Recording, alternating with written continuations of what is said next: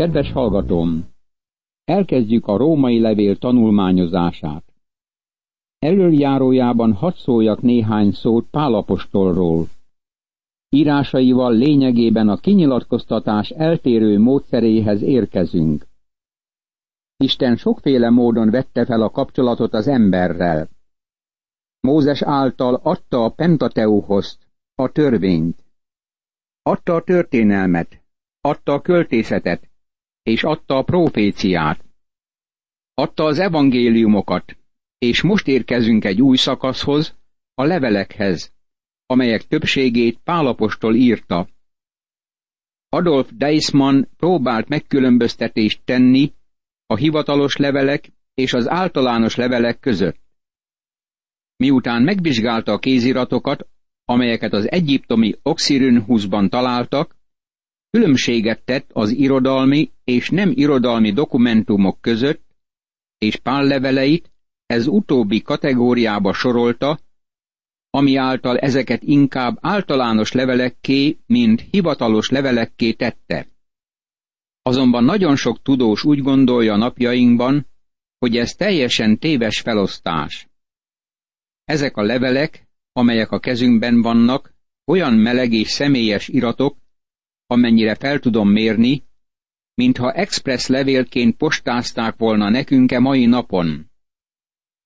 Az Úr beszél hozzánk személyesen mindegyik csodálatos levélben, amelyeket Pál és a többi apostol írt a gyülekezeteknek. Mégis a római levél tartalmazza az evangélium nagy kiáltványát a világnak.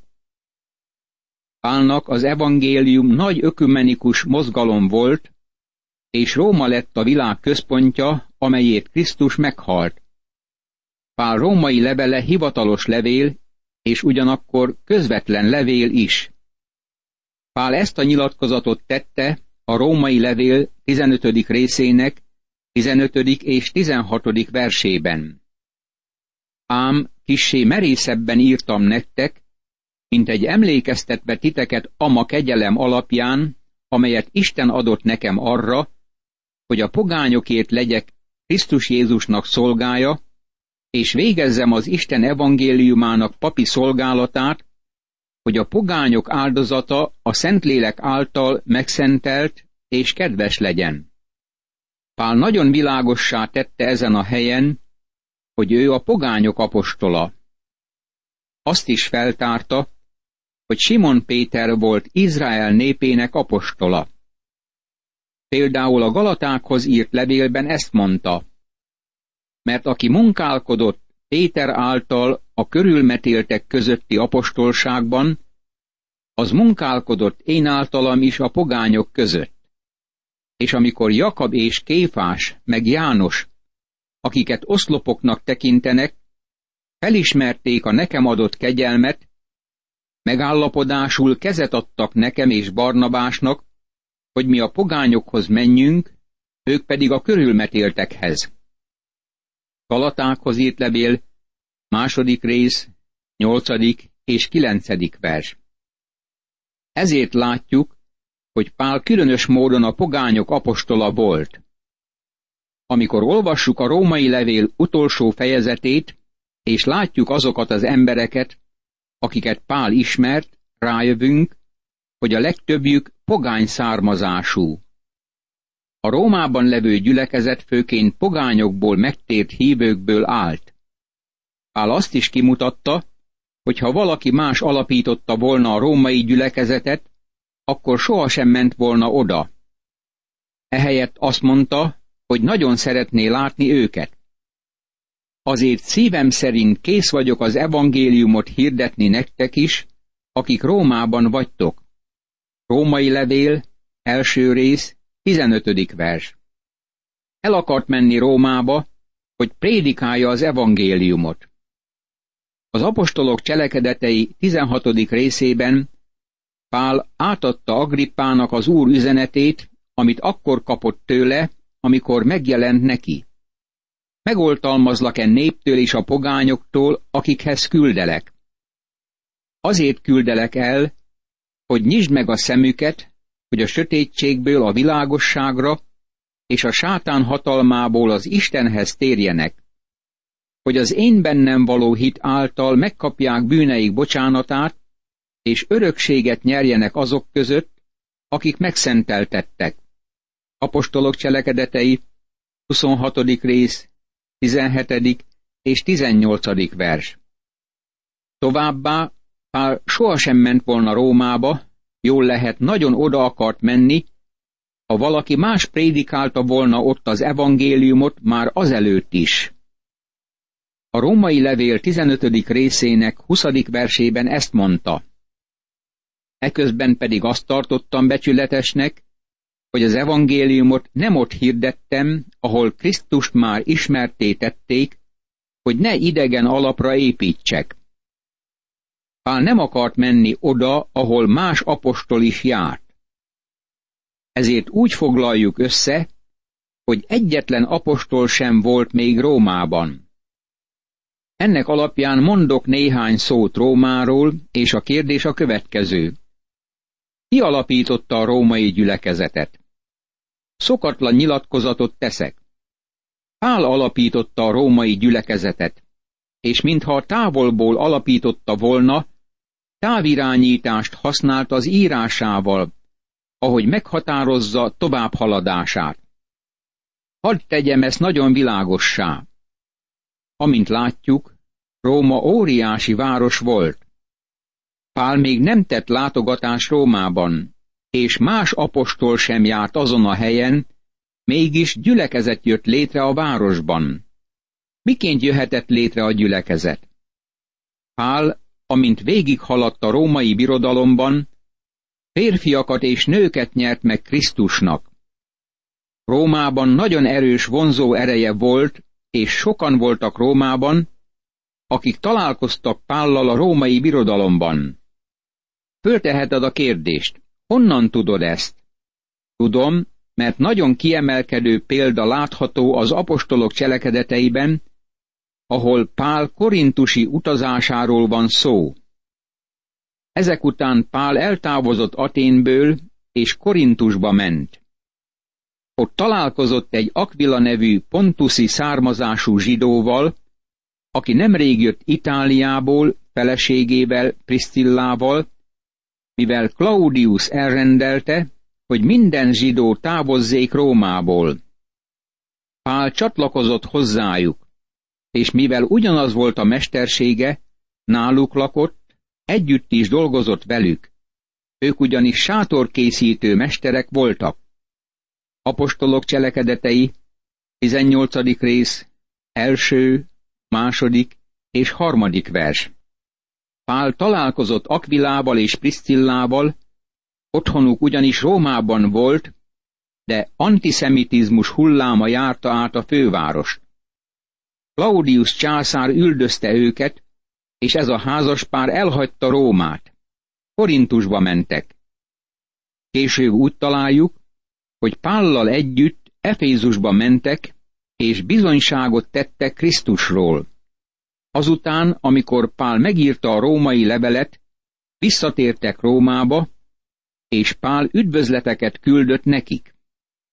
Nagyon személyes szavakat találunk az apostolok cselekedeteiben erről a házaspárról. Mi van másokkal? Pál ismerte őket. Ez azt jelenti, hogy találkozott velük valahol, és Krisztushoz vezette őket. Pál volt a római gyülekezet alapítója távolról, mivel Krisztushoz vezetett embereket, akik később Rómába költöztek. Pál ismerte Rómát, jól lehet még nem volt a város határain belül a római levél írásának idejéig. Róma olyan volt, mint egy nagy hajó az éjszakában, hullámokat verve, amint távoli partok felé haladt. Befolyása hasonlított a rádióadások hatásához, ami behatolt a birodalom minden sarkába és repedésébe. Pál meglátogatta a római gyarmatokat, például Filippit és Tesszalonikát, és ott látott bizonyos római szokásokat, törvényeket, nyelveket, stílusokat és látványos kultúrát. Járt Róma útjain, Találkozott római katonákkal a főutakon, a piacokon, és aludt római börtönökben. Pál megjelent római vezetők előtt, és élvezte a római polgárjog előnyeit. Pál mindent tudott Rómáról, jól lehet még ezután akart odalátogatni. A világ fővárosából kiindulva prédikálni akarta az evangéliumot az elveszett világnak, amit Isten annyira szeretett, hogy egyszülött fiát áldozta fel érte, hogy aki csak hisz benne, el ne vesszen, hanem örök élete legyen. Róma erős mágneses vonzást gyakorolt az akkor ismert világ végső állomásaira, és a világ központjába vonzotta az embereket. Amint Pál és a többi apostol járta-e hatalmas birodalom tartományait, tömegeket vezetett a kereszt lábához. Gyülekezetek alakultak a birodalom legtöbb nagy városában. Idők folyamán sok keresztény került e nagy központba. Az a mondás, hogy minden út Rómába vezet, több volt közmondásnál. Amint a keresztjének összegyűltek ebben a nagy világvárosban, látható gyülekezet jött létre. Valószínűleg nem egyetlen ember alapította a római gyülekezetet. Pál és más apostolok megtértjei a birodalom széléről Rómába mentek, és ott helyi gyülekezetet alapítottak. Bizonyára Péter nem alapította a gyülekezetet, és semmi köze sem volt hozzá, amint pünkösdi prédikációja és az utána következő prédikációi csupán az izraelitáknak szóltak. Csak Cornélius megtérése után győződött meg Péter arról, hogy a pogányok is bekerülnek a hívők testületébe. Összegezve megtudtuk, hogy Pál írta a római levelet. Később akarta Rómát meglátogatni, jól lehet, ismerte már a gyülekezetet.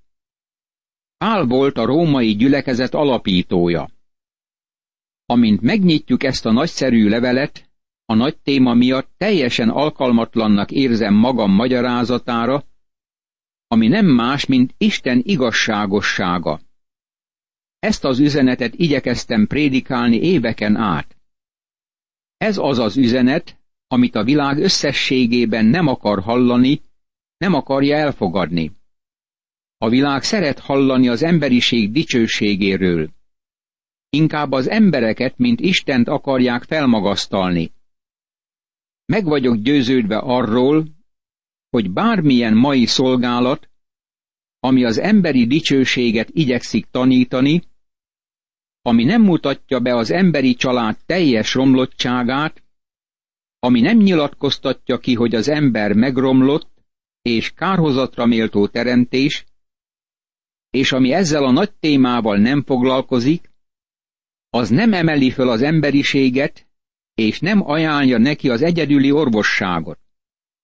Az emberi bűn egyedüli orvossága Krisztusban található, akit Isten adott az emberi fajért. Ez a római levél nagyszerű üzenete.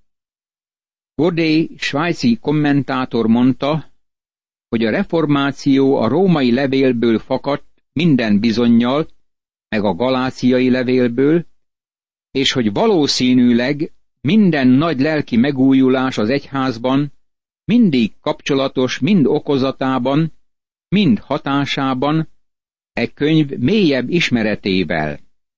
Luther Márton írta, hogy a római levél az új szövetség igazi mesterműve és a legtisztább evangélium, ami nagyon is méltó arra, hogy a keresztény ember ne csak megtanulja kívülről, szóról szóra, hanem hogy naponta foglalkozzék vele, mert ez az emberi lélek mindennapi kenyere.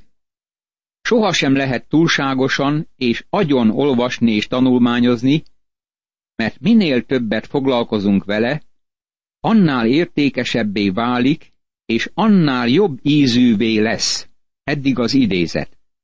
Chrysostomus, az egyik korai egyházatja, hetente kétszer olvasta el ezt a levelet. Coleridge mondta, hogy a római levél a legmélyebb írás, ami létezik. Továbbá rájövünk, hogy az egyik legnagyobb tudós ehhez a könyvhöz fordult, és közben igazi hithez jutott. Ez az ember Faradé volt, akit halálos ágyán megkérdezett egy riporter. Miről gondolkodik? Faradé ezt mondta. Nincs gondolatom.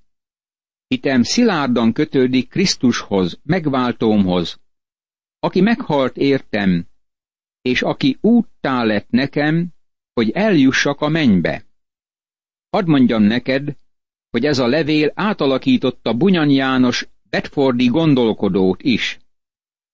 Néhány évvel ezelőtt végigmentem azon a temetőn, ahova őt temették, és gondolkodtam azon, amit ez az ember tett és mondott.